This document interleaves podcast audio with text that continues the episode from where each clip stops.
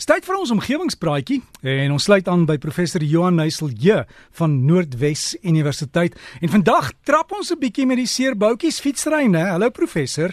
Môre Derrick, môre al die omgewingsvriende. Ja Derrick, vanoggend gesels ons oor fietsvriendelike omgewings. Nou, die konsep van fietsvriendelike omgewings is tans baie relatief binne in die groenbeweging in stede en uit 'n omgewingsoogpunt is fietsry natuurlik uit en uit die beste vervoeropsie. Fietsse spaar die omgewing in terme van emissies en koolstofdioksiedvrystellings, maar dit kan ook verkeersopeenhopings en geraasbesoedeling verminder.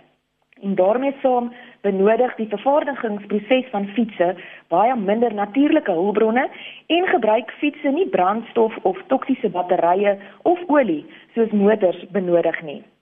Daar word ook baie minder spasie benodig vir fietsinfrastruktuur, aangesien daar ongeveer 20 fietsse kan inpas in dieselfde spasie wat een motor benodig.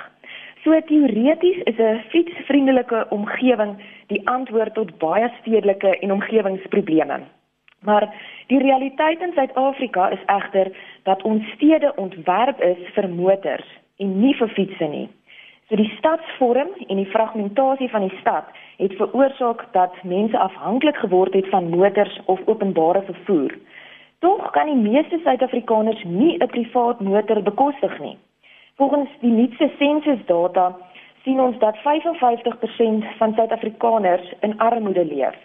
En bykans 14 miljoen mense in ons land leef met minder as R15 per dag. Nou vir hierdie mense is privaat motors natuurlik nie 'n opsie nie. Verder sien ons dat tussen 32 en 39% van daaglikse inkomste van die ekonomies aktiewe werkers in agtergeblewe gebiede bestee word aan openbare vervoer. En vir hierdie mense kan fietsse 'n baie groot verskil maak omdat dit makliker finansier kan word, maar ook omdat die instandhoudingskoste daarvan baie laer is. So die besit van 'n fiets in hierdie sosiale klimaat van Suid-Afrika sal vele mense kan bemagtig en 'n fietsvriendelike omgewing sal dan nou sin maak in hierdie konteks. Maar volgens ons vervoerspesialis hier by Stad en Streeksbeplanning, professor Callie Skooman, is daar twee dinge wat aangespreek moet word. Eerstens, die nodige fietsinfrastruktuur wat vinnige en veilige vervoeropsies bied, en tweedens, 'n verandering in die persepsies oor fietsry en die hele fietsry kultuur. So in terme van infrastruktuur en volgens die Suid-Afrikaanse wet word fietsse as voertuie beskou en mag fietsse op sekere paaie ry, soos ons klas 4 en ons klas 5 paaie wat in woonbuurte aangetref word.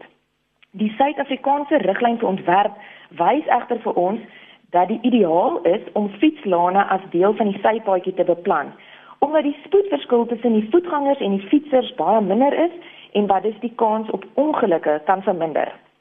In praktyk sien ons egter baie min sulke voorbeelde wat in terme van wyte en ge uh, geometriese ontwerp voorsiening maak vir fietsse. Stede soos Johannesburg en Kaapstad het al baie goeie vordering getoon met fietsinfrastruktuurbeplanning. Maar Suid-Afrika in geheel is nog maar ver van 'n geïntegreerde vervoerstelsel af.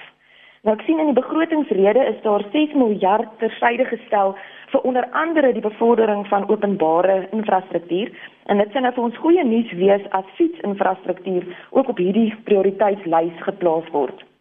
Maar fietsinfrastruktuur verwys natuurlik na baie meer as net fietslane.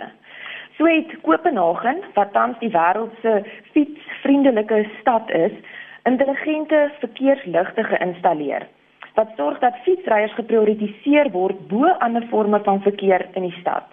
So verkeersligte stop dus motors en ander publieke voertuie sodat fietses voorrang geniet by kruisings. En hierdeur is reistyd per fiets met meer as 10% gesny en word fietsvervoer nou daar in Kopenhagen as die effektiefste vorm van vervoer beskou. En 'n ander vorm van fietsinfrastruktuur is te sien in Utrecht in Nederland waar die wêreld se grootste fietsparkeergarage verlede jaar geopen is. Nou hierdie um, fietsgarage bied parkeerplek vir 12500 fietsse en word ondersteun deur digitale stelsels wat vir jou presies kan uitwys waar jou fiets geparkeer staan. Die parkeergarage is 24 uur per dag oop en voorsien ook 'n diensstasie wat dan nou fietsse herstel as dit nodig sou wees. Nou as ons so 'n volledige en geïntegreerde fietsstelsel kan bied hier in Suid-Afrika, sal dit dalk moontlik die persepsies en die fietsry kultuur ook positief beïnvloed. Want tans is daar nie 'n sosiale fietsry kultuur in ons land nie, alhoewel ons land in terme van weeromstandighede ideaal daarvoor geskik is. Veiligheid is natuurlik die kernpunt van bekommernis. Maar veiligheid kan egter aangespreek en verbeter word deur middel van goeie en slim ontwerp. En daarom soveel te meer rede dat ons werklik 'n geïntegreerde vervoerplan vir alle dorpe en stede moet ontwikkel. Maar ons sien dan plek plek in Suid-Afrika positiewe tekens van hierdie ontwikkelende fietsrykultuur. Um, ek verwys spesifiek na die fietshuur skema wat onlangs in Alexandra in Johannesburg begin is. Nou die projek het aanvanklik hulp verleen aan kinders wat meer as 8 km na skole moes ry, maar het sedertdien so uitgebrei dat dit nou ook werkende mense akkommodeer om per huurfiets werk toe en terug te ry. Die Thomson Reuters webwerf berig dat die inwoners wat gebruik maak van hierdie fietshuurskema baie positief is oor hierdie inisiatief, aangesien dit hulle reistyd verkort, maar ook 30% besparing op reiskoste vir hulle tot gevolg het. En intussen is fietstegnologie ook vinnig aan die ontwikkel en battery-aangedrewe fietsse word al hoe meer populêr. So hierdie inisiatiewe en saam met die 52 sent verhoging in brandstof wat vanaf 1 April inskop, uh, kan dit moontlik help vir daai ekstra hupstoot om die fietskultuur hier aan te moedig in Suid-Afrika. Nou, een van die omgewingskenners van Swede met die naam Frederik Gerten het so rukkie gelede geskryf dat mense wat elke dag fietsry in werwaarheid stadsliefhebbers word. Nou hy sê op 'n fiets um, kan jy die vars lug voel en jy kan die bome sien en jou sintuie word optimaal ingespan. En sodoende leer mense dan nou om hulle om, om hulle omgewing op 'n ander manier te leer ken en regtig te waardeer.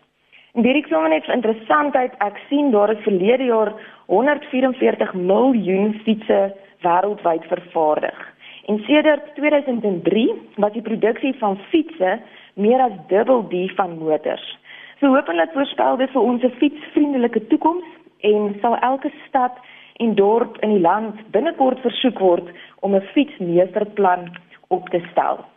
Nou my my groen gedagte is dat 'n fietsvriendelike omgewing 'n oplossing kan bied vir baie van ons komplekse probleme.